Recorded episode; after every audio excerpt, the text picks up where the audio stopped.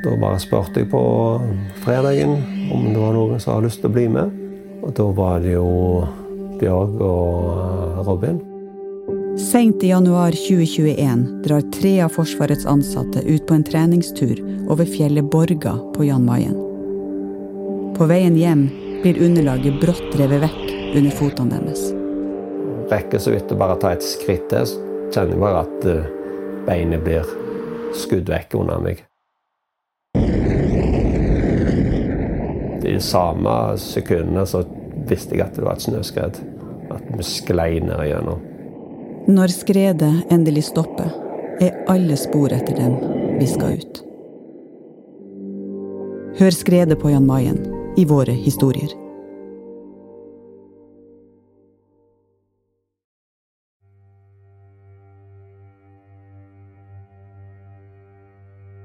Inni vogna så er det konstant eh, støy, og så er det vibrasjoner eh, når vi kjører etter belteverket. Det er sambandstrafikk på øret. Det er støv som virvles opp, legger seg eh, i hele ansiktet. og du kjenner det, det knaser litt sånn i tenna. Stian Mo og resten av avdelingen var på et vanlig oppdrag. Det er varmt inne i stormpanservogna, der han sitter sammen med de to andre. Så skjer det. De blir angrepet. Nei, jeg kjente ikke på hat. Overhodet ikke. Fordi at eh, det der det kom inn profesjonen min da, som eh, en del av Delmark-bataljonen, som en del av Hæren i dag, og Forsvaret som helhet, har jeg valgt en jobb. Jeg har helt frivillig valgt det yrket her. Og jeg har også eh, sagt meg frivillig til å, å løse oppdrag utenfor Norge, selv om det er fredstid hjemme i Norge. Fienden hadde en god dag på jobben, og vi hadde en dårlig dag på jobben. Som soldat er det en del av jobben din å forholde seg til at du selv eller kollegaene dine i ytterste konsekvens kan miste livet. Da, da legger jeg som sagt bare hånda mi oppå eh, på skuldra til skytteren, og så sier jeg at nå kjører vi pusting. Så roer vi oss ned litt. Grann. Vi har tida. Ja, sier han. Og så teller jeg egentlig 1000, 2000, 3000, 4000, 5000. Og da har jeg fylt lungen min med luft. Og så når jeg skal puste ut, så teller jeg på nytt igjen. 1000, 2000, 3000, 4000, 5000. Og den gjentar jeg da til jeg føler at nå er jeg klar til å begynne å jobbe. Å miste en kollega, som også er en sønn eller datter, en venn, er det verste som kan skje. I løpet av perioden i Afghanistan ble ti norske soldater drept. I denne episoden skal vi høre historien om dagen da én av våre soldater mistet livet, og om kontrasten mellom det som skjedde i striden i Afghanistan, og om ordskiftet hjemme i Norge. Vi skal tilbake til 2007. I episode tre fortalte vi om hvordan angrepet på den norske leiren Banken ble et vendepunkt for den norske deltakelsen i Afghanistan. Det ble et helt annet alvor over eh, det norske militære nærværet, og det prega nok eh, ikke bare debatten om Norge i Maimane, men hele debatten om Norge i Afghanistan og hele forståelsen av hva det internasjonale militære nærværet i Afghanistan eh, betydde, på, på, godt og vondt. Her er det jo to ting som går hånd i hånd, vil jeg si. og Det ene er jo selvfølgelig at Norges forståelse av situasjonen er helt annerledes. Man opplever at man står i et tøft militært oppdrag, og har tatt inn over seg at risikoen for norsk personell er, eh, er betydelig. Så fra å være en styrke som i veldig stor grad bare driver patruljering og relasjonsbygging og observasjon, så går man inn i tydeligere militære oppdrag, og går f.eks. inn i områder der man vet at det er et uh, fiendtlig nærvær, et Taliban-nærvær. Noen vil si at det var klokt, uh, noen vil si at det på mange måter la grunnlaget for Talibans uh, remobilisering. God kveld og velkommen til Dagsrevyen. Vi har altså nylig fått melding om at en norsk soldat er drept og en er såret i Maimane i Afghanistan. Det var et eh, veibombeangrep mot et eh, norsk kjøretøy klokken 19.07 afghansk tid, som altså kostet én soldat livet. I forhold til Afghanistan så er dette helt klart, eh, ifølge de meldingene vi har fått, de hardeste kampene vi har vært involvert i der. Og også på lang tid i andre eh, internasjonale operasjoner. Vi som var der nede, vi var jo i, i krig. Det som jeg på bakken eh, opplever, det, det er krigshandlinger. Det er det vi trener på når vi er hjemme i fredstid, og det er det vi gjennomfører når vi er der nede. Det er bare at det er skarpt, og du har en fiende som, som skyter tilbake. Du hører på episode fem av historien om Afghanistan. Gud er ikke alltid norsk. Jeg heter Thomas Haraldsen.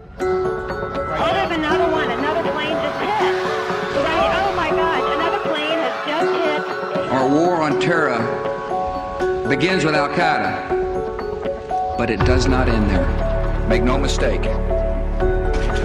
The United States will hunt down and punish those responsible for these cowardly acts. Kampen mot terrorisme er et møte ved milepælen i våre internasjonale forpliktelser. I ettermiddag kom de to majorene som ble skutt og såret i Afghanistan tirsdag tilbake til Norge. The United States has conducted an operation that killed Osama bin Laden, the leader of Al Qaeda.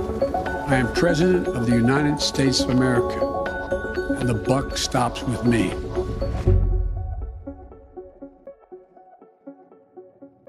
I 2007 hardnet kampene til, også i nord, der de norske styrkene primært var utstasjonert.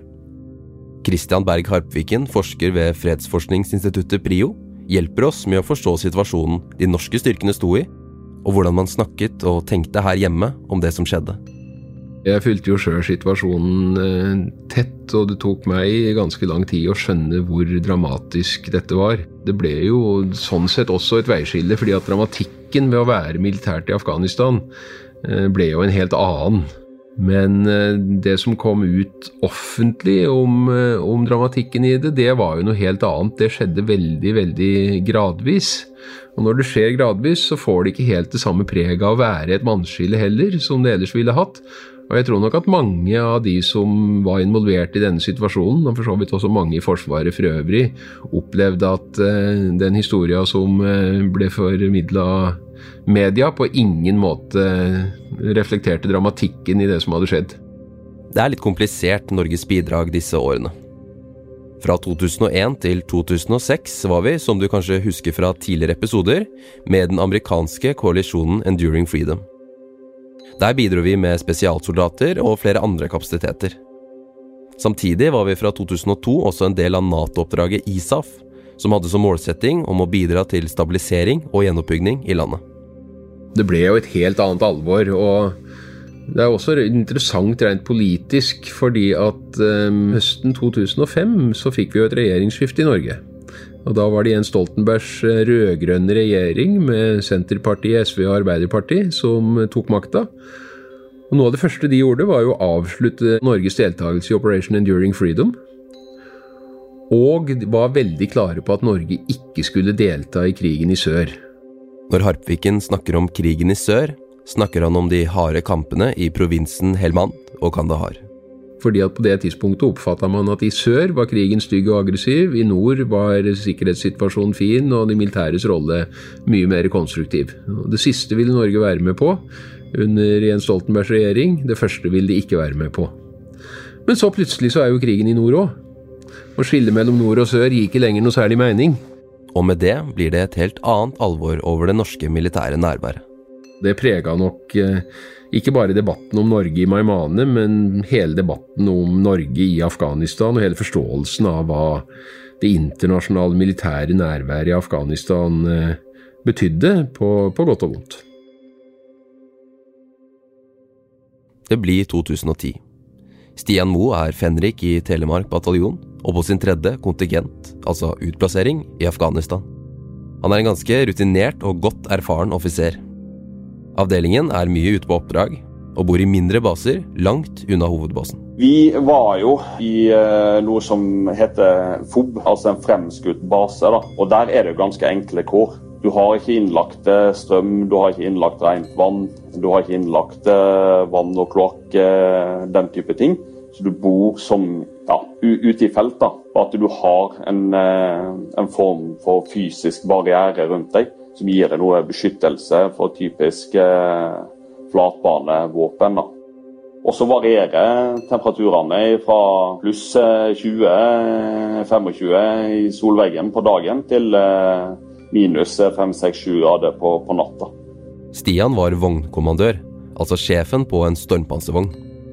Det er et pansret kjøretøy på belter med kanon og plass til åtte soldater, i tillegg til de tre som opererer vognen, det man kaller crewet. Stormpanservogn eh, 790 Eh, det er egentlig kort fortalt eh, Combat Vehicle 90, produsert i Sverige. Vi er Normalt sett så er vi eh, elleve stykk når vi sitter om bord i vogna. Da består det av en vognfører, en skytter og en vognkommandør som er på vogna hele tida. Og så har vi da et infanterilag, åtte mann baki. Men de satt ikke baki den dagen der. Denne dagen har avdelingen vært ute på oppdrag i flere uker. Nå skal de møte sine afghanske kollegaer i ANA, altså Afghan National Army, før de reiser tilbake til hovedbasen. Det er 25.1.2010. Det er faktisk en varm, eh, varm, dag. Men jeg husker jeg tar på meg eh, feltuniformen. Den som gir meg litt mer varme eh, i kroppen enn den lette versjonen. Den dagen hadde vi planlagt å redeployere tilbake til Meymaneh og få rekondisjonert det ordentlig og tatt et tyngre vedlikehold på, på, materiellet vårt. Det vi da gjør, er at vi eh, for å spare tid, så laster vi opp stridsrommet med en del lagsutstyr og personlig bekledning som vi skal ha med oss tilbake til leir. Som vi da stropper fast eh, baki, i og med at infanterilaget kjører en annen bil.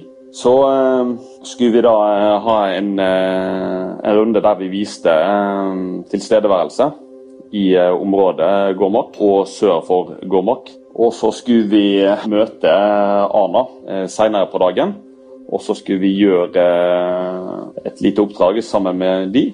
Og så skulle vi da dra tilbake til Maimane. Stian og de andre har vært lenge i felt. Det vi kjenner litt på, er at eh, vi har vært i felt eh, tre uker. Vi har ikke noen sånn her dusj, eh, hygienefasiliteter. Ja, Vi bytter selvfølgelig litt undertøy og sokker og sånt underveis og, og gjør det beste vi kan hygienemessig for å holde oss friske og raske. Men utover det så ser vi virkelig frem til å, å komme oss tilbake etter en etterlengta dusj etter tre uker. Det gjør vi, alle sammen. Vi hadde jo i løpet av de tre ukene der eh, som vi da hadde vært i det området, og perioden før det igjen, vært i ganske mange stridskontakter. Og det er klart at eh, mange har eh, flere gjentatte ganger en sånn fornærmelse av å nesten bli tatt livet av. Men det har liksom vært stang inn, da. Inne i stormpanservognen, der Stian og de andre sitter, er det trangt.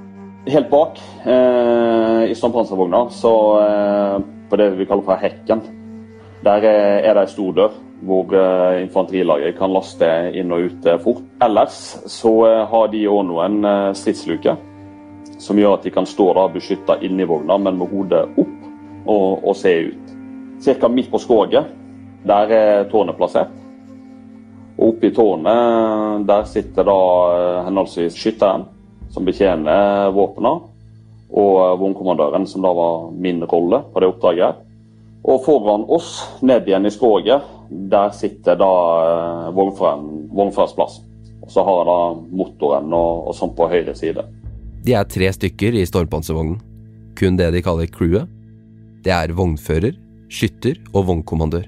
Stian er vognkommandøren. Og vognføreren heter Joakim. Eh, Jokke han sitter da eh, foran oss i, eh, i skroget. Tårnet er festa i taket eh, på skroget. I tårnet så sitter da skytteren, og så sitter eh, jeg der. Så det er kun plass til to stykk i tårnet. Så det, det var oss som var om bord. Under forflytning, altså når kolonnen av kjøretøy beveger seg, bruker man de best beskyttede kjøretøyene i front. Derfor var det vogna til Stian og de to andre som kjørte først. Vi eh, gjennomfører alltid en, eh, en panserbrif eh, kjapt hva vi skal gjøre. Eh, hensikt med det vi gjør. Eh, litt sånn action zone. Eh, hen, altså hva gjør vi hvis det inntreffer, hva gjør vi hvis det inntreffer? Sånn at alle får skrudd seg litt sånn mentalt på hva skal vi gjøre. Marsjrekkefølgen blir satt. Der var vi i front. Vi tok fronten, visste hvor vi skulle. Og så kom halehenget videre etter oss på, på en lang, lang rekke. Og Da er det litt sånn her varierende å holde riktig avstand. For da Når du ligger i front, så kommer du inn i flaskehalser. Så senker du farten. Men når du er igjennom, så kan du ikke bare øke farten umiddelbart. Da blir det strekk i kolonna, og desto lengre strekt vi er, desto enklere kan det da være for, eh, for fienden å, å, påvirke oss. Så det er noe vi hele tida må, må, justere og, og, tilpasse underveis.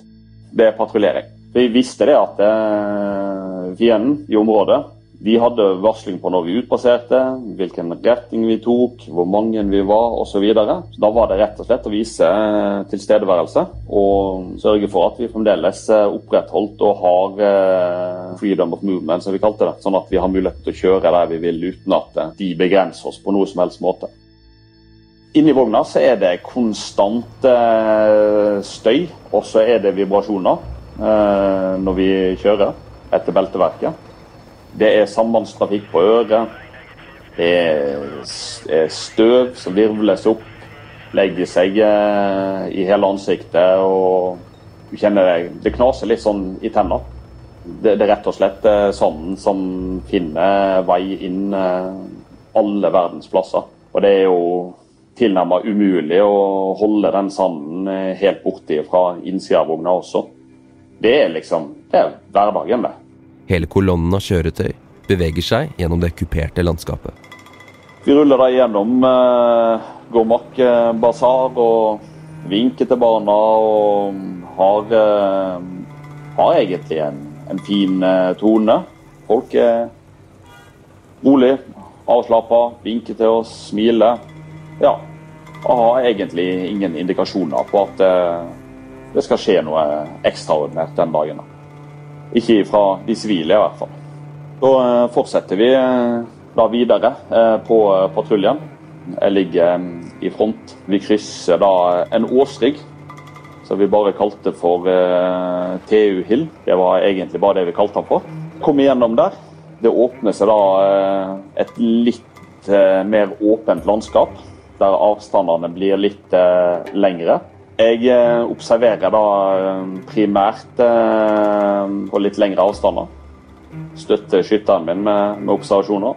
Jokke han ser kort. Han ser egentlig best foran vogna og området som vi skal kjøre i.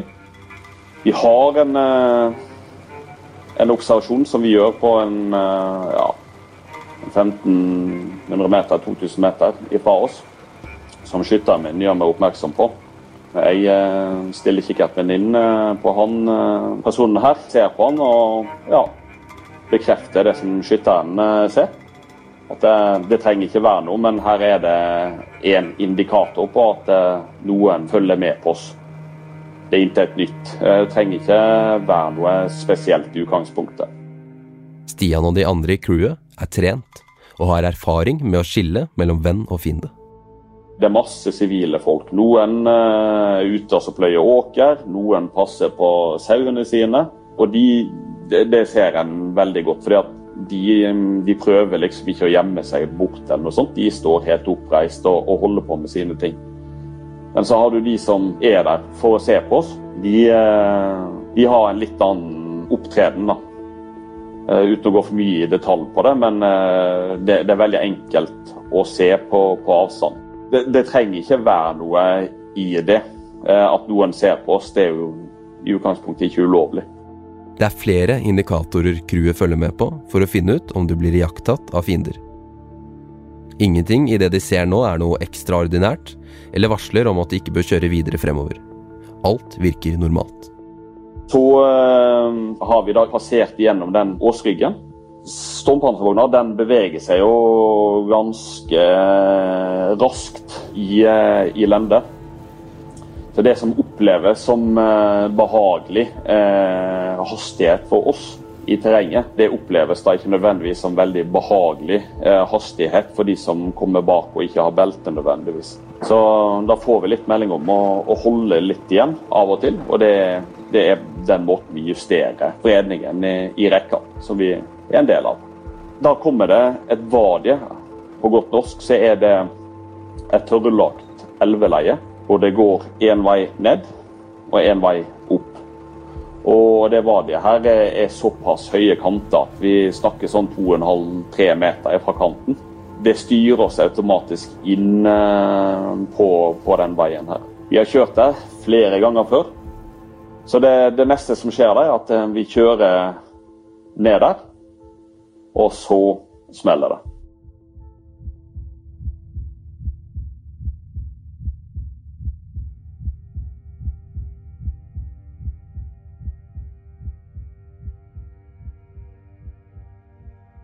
Jeg skjønte ikke hva som skjedde.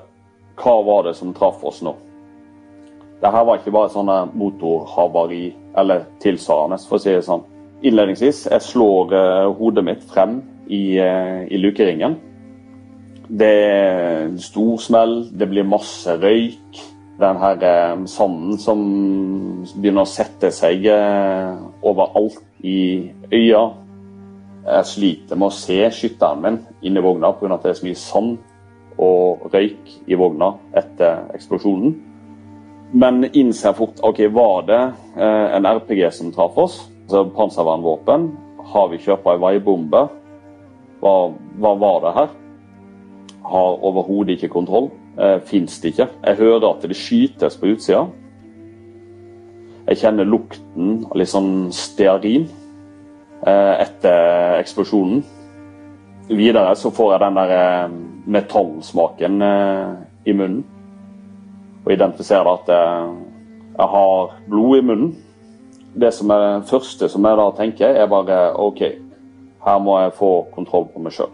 Jeg har ti fingre, det er en god start, og begge beina henger på med ti tær. Jøss. Yes.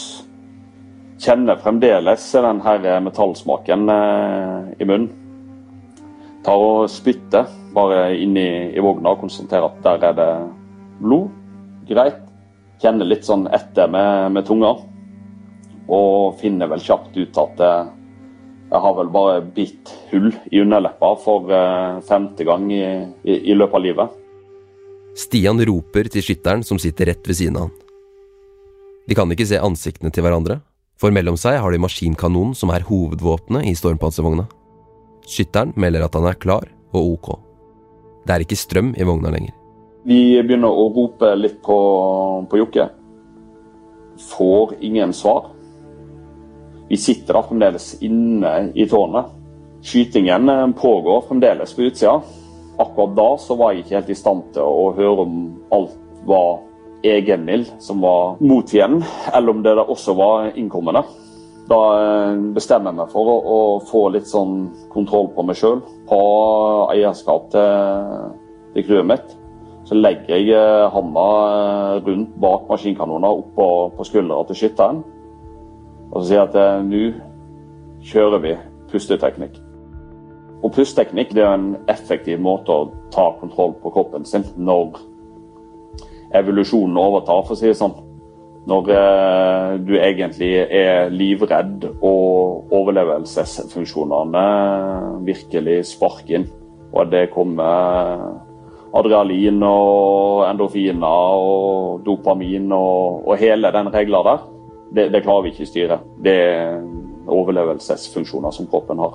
Men ved å da ha trent pusteteknikk, få kontroll på pustinga, så klarer vi å få pulsen ned og begynne å tenke rasjonelt og kunne ta kontroll over situasjonen igjen. Da, da, da legger jeg som sagt bare hånda mi oppå eh, på skuldra til skytteren og så sier at nå kjører vi pusting. Og så roer vi oss ned litt. Vi har tida. Ja, sier han. Så jeg talte, talte vel fire ganger Før jeg liksom sa til meg sjøl at eh, nei, nå er i hvert fall jeg klar. Spurte skytteren min. Han eh, var også klar. Så eh, gjennomførte vi da litt eh, nødprosedyrer på tårnet. Og Da fikk vi eh, strøm igjen på interkommunikasjonen, som gjorde at vi da kunne snakke igjennom hjelmsettene våre igjen. Stian prøver å få forbindelse ut til de andre kjøretøyene, men det går ikke. Han prøver igjen å få kontakt med vognfører Joakim, men han får ingen svar. Neste skritt da, han sier som så at eh, du, eh, skytter, du bruker eh, beskyttelsen som du nå har inni vogna. Han har ikke skuddsikker på seg, ingen hjelm osv. Få tak i eh, Jokke via evakueringskanalen. Jeg har på meg eh, korsbeskyttelse, hjelm, eh, personlig våpen eh, på utsida her. Jeg går bak varsler. Yes. Da har vi fordelt arbeidsoppgaver. Og det som jeg, hele tida tenker på, det er å ikke bli en pasient. Det går igjen hele tida. Jeg fungerer. Jeg har ti fingre, ti tær. Jeg føler meg såpass rolig og beherska i situasjonen nå at nå er det på tide å, å komme videre. Og da tar jeg eh, HK-en min, HK416, som ligger til venstre utenfor tårnet. Det er mitt eh, personlige våpen. Angrepsrifle. Og så hopper jeg ut. Merker det at det, det, var ikke så veldig langt ned til bakken som det normalt er. Og idet jeg kommer opp av tårnet mitt, så ser jeg det at vognfraluka den er åpen. Så ser jeg akkurat i, i hjelmen på, på Jokke. Men da hadde jeg allerede fordelt ansvar, sånn at da kunne ikke jeg begynne å fokusere på noe annet. Da hadde jeg fokus på min jobb. Men jeg delte den informasjonen inn til eh, skytteren min, sånn at han kunne komme seg ut og ha fokus på, på Jokke. Det er fremdeles skyting som pågår på utsida. Jeg har ikke begrep om eh, hvor fienden er. Eh, jeg har et begrep om hvor egne andre er, eh, i og med at jeg var i front. Beveger meg da i den retningen, eh, nordover. Ut av det her tørrlagte eh, vadiet. Kommer opp på kanten, setter meg ned på kne og eh, vinker at eh, her er det liv. Og da får jeg eh, en vink tilbake fra troppssjefen min. Og da snur jeg meg. For da har jeg egentlig sagt at eh, her er det liv, men da skal jeg eh, finne meg en ny arbeidsoppgave. Og da er det egentlig å ta en runde rundt eh, vogna og se om det er noen flere farlige ting som ligger der og kan påvirke oss noe ytterligere. Idet jeg kommer ned mot eh, vogna, så har eh, troppssjefen min kjørt litt nærmere. Så da roper han meg eh, opp. Jeg snur da, eh, løper opp til han. Og da snakker vi sånn face to face, helt rolig og beherska. Så sier jeg eh, at vi har gått i kontakt eh, med ID, og at skytter og VK er OK, uvisst på vognfører. Og akkurat da så har eh, skytteren kommet frem og roper opp at eh, Jokke er død. Nå handler det om å få kontroll på situasjonen. At det er Stian og de andre soldatene som skal eie situasjonen, ikke fienden. Akkurat der de står nå, har fienden overtaket. De har lykkes med en veibombe. De norske soldatene må nå sikre vogna og seg selv og sjekke at området rundt er trygt. Samtidig blir de angrepet. Fienden kombinerer veibomben med et bakhold.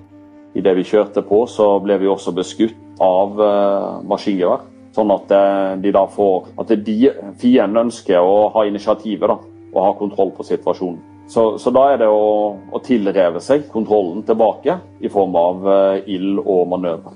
Så da må jeg gjøre min jobb lokalt rundt kjøretøyet, i og med at jeg allerede er eksponert for, for de farene som er der så utsetter jeg heller meg sjøl for det som eventuelt måtte være der av ekstra ting, før vi drar ned mer folk der.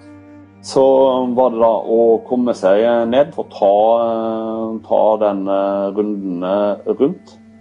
Det var fortsatt skyting, det var det. Jeg husker òg veldig godt at når jeg kom ned i det her tørrlagte elveleiet, så tenkte jeg sånn at her nedi her går det an å bevege seg ganske fritt. Her kan de komme tett på, begge veier, uten at vi klarer å identifisere det. Så for å se at vi da hadde tilstrekkelig buffer, gikk jeg frem til uh, første svingen uh, vestover. Uh, og da svingte egentlig det her vadiet mot høyre. Og jeg skyter da normalt sett fra høyre skulder.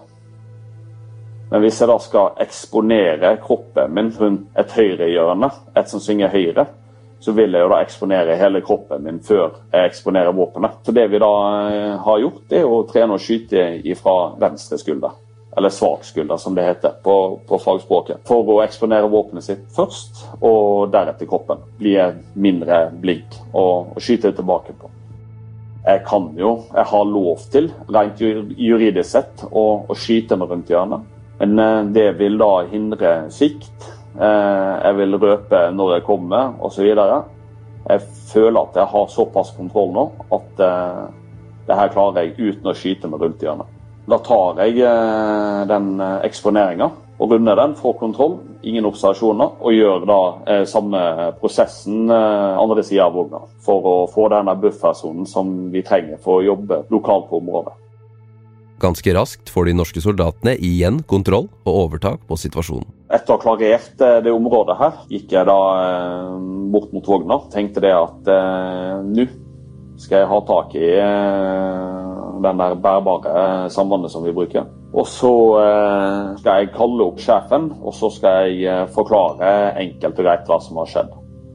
Jeg gjør det. Tar opp sambandet og trykker på de knappene som skal trykkes på finmotorikk er jo noe som uteblir eh, i kroppen eh, som en stridsreaksjon, som, som, er helt normal. Men da så er det sånn Finmotorikken er stilig. Positiv overraskelse. Da tenkte jeg sjøl at nå skal jeg knote med det her. Men så fikk jeg det til på første forsøk. Så kaller jeg opp sjefen. Sa jeg det jeg skulle si, og han svarte mottatt. Og så kasta jeg fra meg eh, sambandet her. Og så var det frem til eh, skytteren. Og så var det å prøve å få ut, eh, få ut Jokke fra vogna.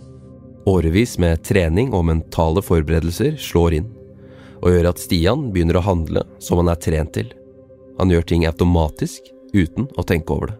Vi hadde gjort oss noen definisjoner som eh, er med på å egentlig gjøre oss robuste til å håndtere sånne situasjoner. Og det kan være så enkelt som at eh, kroppen min er et skall som jeg har til utlån. Og hvis jeg da faller i strid, eller på slagmarka, så er det ikke hvor ille tilberedt kroppen min eventuelt er. Det er ikke sånn vi skal huske hverandre. Men da er det alle de andre gode tingene som har skjedd før det. Av å definere sånne ting, så gir det oss da verktøy til å i mye større grad fungere når vi står oppe i de eller lignende situasjoner. da, Sånn som 25.1.2010. Da, da var det litt sånn her eh, OK, der har vi visualisert. Det her har vi snakka om. Vi har til en viss grad normalisert det, men nå er det ekte.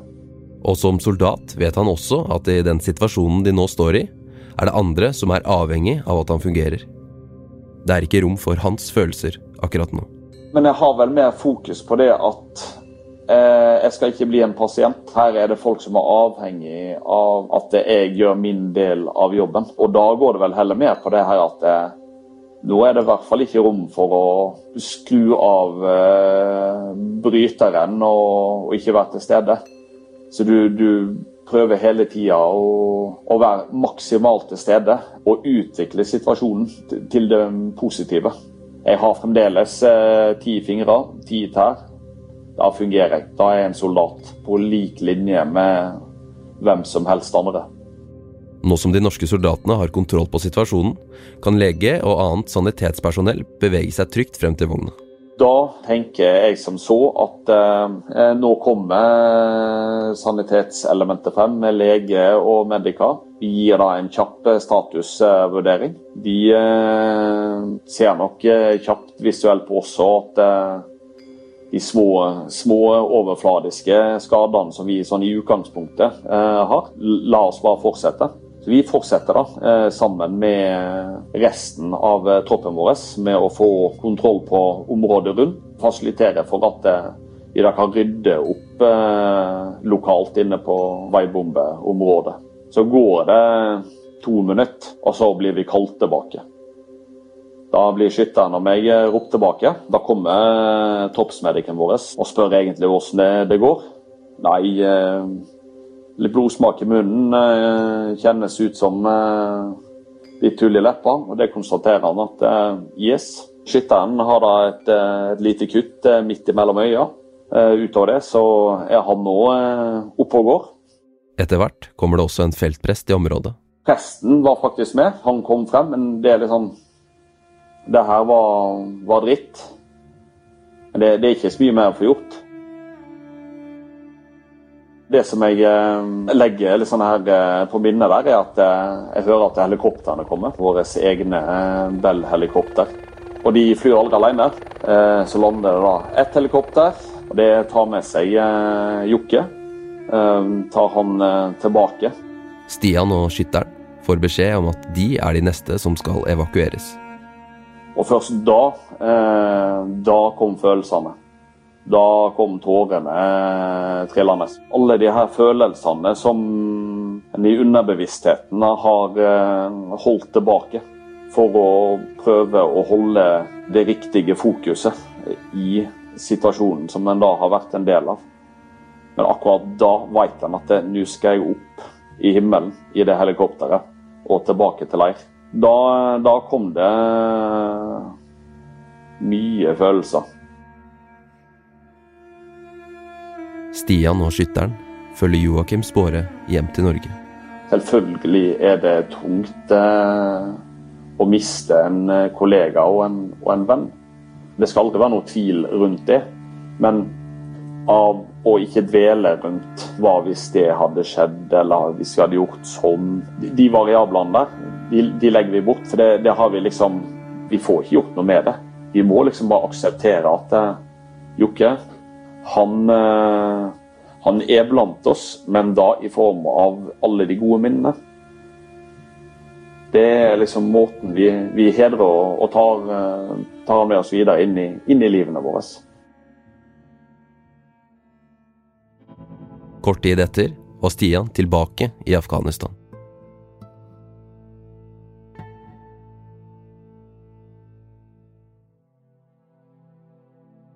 I årene før denne hendelsen var den offentlige samtalen om hva som foregikk i Afghanistan, forvirrende her hjemme i Norge. Her er Harpviken igjen. Ja, Det ble jo en voldsom debatt om hvorvidt det Norge deltok i var en krig eller ikke, om norske soldater var i krig eller ikke.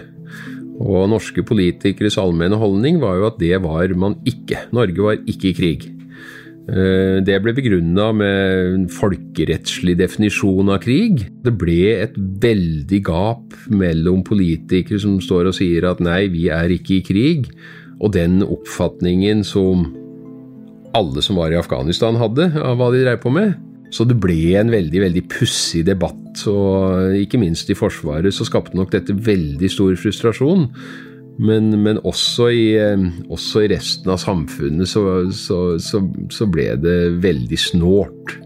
At man ikke kunne kalle det det som i en folkelig forstand helt åpen, det og helt åpenbart var, nemlig krig. For norske soldater i Afghanistan så tror jeg nok at eh, iallfall for veldig mange så opplevdes dette opplevdes dette veldig problematisk. Man kjente seg overhodet ikke igjen i den norske debatten. For dem var denne situasjonen eh, kjempedramatisk. Ehm, både risikoen for de selv og konsekvensen av det de faktisk var med på i Afghanistan, opplevdes som det dypeste alvor.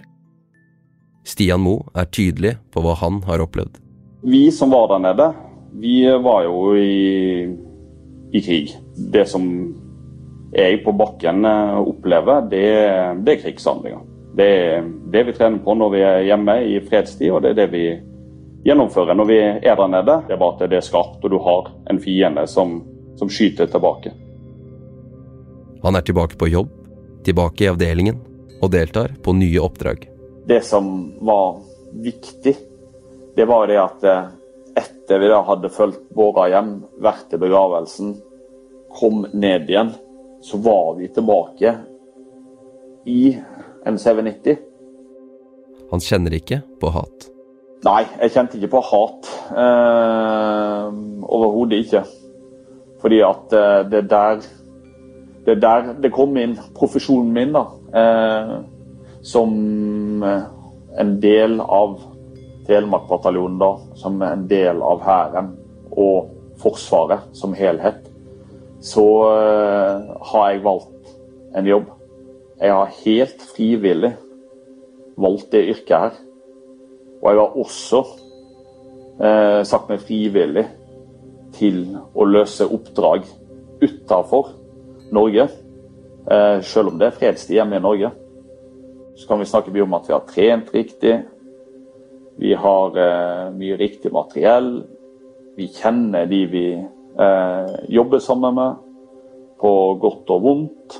Og, og summen av alle de tingene her det, da, da, kan en ikke gå rundt om og lage hatforhold fordi at fienden hadde en god dag på jobben, og vi hadde en dårlig dag på jobben. Det, det må vi bare ta ett skritt til høyre, og så må vi fortsette i, i samme etiske grunnlagene som vi, vi står for eh, videre. Fienden er den samme som før. Det er Taliban de kjemper mot. Fienden er konstant eh, en trussel mot oss. Eh, den er, går ikke nødvendigvis i uniform og, og er vanskeligere å legitimere eh, som, som en soldat, da, sånn som de konvensjonelle styrker ser på ting. Hva skal en si? En kan ikke si at alle fiender til det motsatte er bevist. Det, det funker ikke. Det med følelser, og spesielt kanskje følelsen av hevn og hat, er krevende.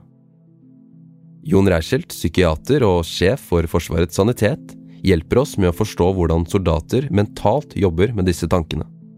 Det har vært tema på samtaler han har hatt med norske soldater som har mistet kollegaer i strid. De gjennomførte oppdraget og fortsatte jobben, og så tok de seg veldig av hverandre og de pårørende og innså at dette var en del av risikoen ved å være soldat. Man bør forberede seg på også dette på forhånd, sånn tankemessig, men det er klart fra forberedelse til virkelighet her også er et drøyt stykke. Men vi har heldigvis sett da, at den forberedelsen vi har gjort, den har fungert. Men vi mennesker har samtidig en jeg har begynt å kalle det en fantastisk oppdrift. Jeg ser ofte for meg mennesker som en slags sånn bøye som liksom dyttes under vann, men så bare popper den opp igjen. Og vi mennesker vi har en fantastisk oppdrift i oss selv, hvis vi tillater det, til å komme oss til hektene, gå videre, ta vare på hverandre. Vi har en fantastisk egenskap sånn. Det betyr ikke at folk ikke blir sjuke og lei seg og sånn innimellom, men ved hjelp så kan de ofte komme til overflaten igjen. Reichelt er opptatt av følelsen av skyld, og minimere denne følelsen. Det er viktig for soldater som skal kunne bearbeide traumatiske hendelser og komme seg videre. Det er en type, type, profesjonalitet i det som virker litt sånn rart kanskje når du kommer til soldatverden, men, men som andre yrker så må du, du må ikke ta det personlig at det gikk som det gjorde. Eh, men igjen så avhenger det veldig mye om du har feilet eller ikke. Hvis du feiler og kameraten din dør, så tror jeg det er en helt annen skål. Så det har jeg alltid spurt etter når jeg møter disse folkene på vei hjem. Så jeg spurte etter det, om det er noen som opplever å ha feila, svikta den type ting, for da må vi gripe litt fatt i dem. Og det som ofte er sannheten da, er at flinke folk, som soldater er, de dømmer seg selv veldig hardt. De går ofte veldig langt i å si at de skulle gjort noe annet enn det de faktisk gjorde. Altså De har en slags idé om at de skulle kunne forutsett noe som ikke var mulig å forutse. Eh, skulle kunne klare å gjøre et eller annet som ingen kunne klart å gjøre. Gjøre en type førstehjelp som ingen ville klare å gjøre. Eh, altså, skulle liksom reparere en, en, som har fått en kule gjennom hodet. Altså, du skal jo være nevrokirurg eller mer for å få til det. Så, så sant, ofte, er, ofte er sånne bebreidelser veldig ubegrunnet, så går det an å korrigere dem veldig tidlig. Så det har vært litt av min jobb når folk har vært på vei hjem. Eh, og det er kjempeviktig å gå videre i livet. Du må sortere veldig nøye på hva som har vært, hva som er, og hva som kommer. Det er samme rådet man gir til folk som er gjennom en skilsmisse eller eller en dramatisk ting i livet. Du, altså, hvis, kom, hvis, de kommer i terapi, så er det noe du sier ja, nå sitter vi her og snakker om det som har vært. Nå har du et valg. Du kan, bli, du kan fortsette å fylle livet ditt med det som har vært. Det går an. Det er fullt opp til deg.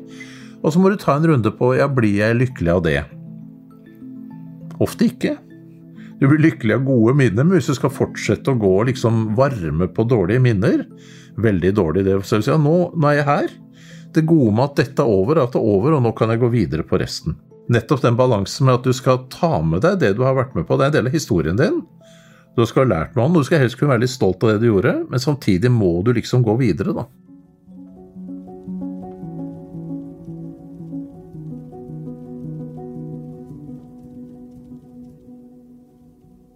Det vi fikk gjort, var at vi tok eh, dagen før, altså 24. januar, så tok vi da et eh, avdelingsbilde.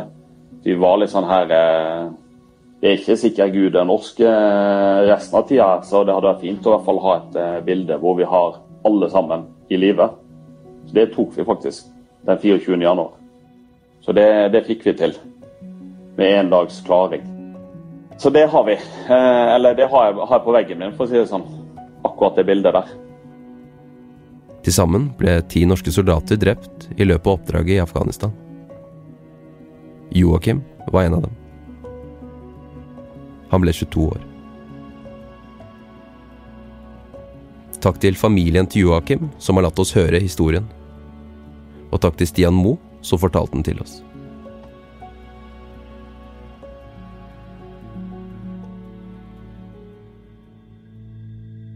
I neste og siste episode av Historien om Afghanistan. Kaptein Magnus han uh, satt i en periode med, en ettåring på fanget, samtidig som han uh, satt med telefonrøret til ene øret og snakka med få, samtidig som han skrev på PC-en og sendte bestillinger og anmodninger hjem til Norge om støtte. Jeg håper det ikke er Taliban, husker jeg på at jeg tenkte. Og det, det var de øyeblikkene i løpet av uh, oppholdet mitt der jeg faktisk var bekymra. Sterkt bekymra. Neste og siste episode av Historien om Afghanistan kommer om en uke. Abonner gjerne på serien vår. Har du spørsmål eller innspill til oss, send oss en mail på tharaldsen at mild.no. Historien om Afghanistan er laget av Hege Svanes, Renate Gjerald, Anders Fjellestad, Kristine Hellesland, Fredrik Tandberg og meg, Thomas Haraldsen. Lydetterarbeid er av Fridtjof Nilsen. Lydklippene i denne episoden er hentet fra NRK.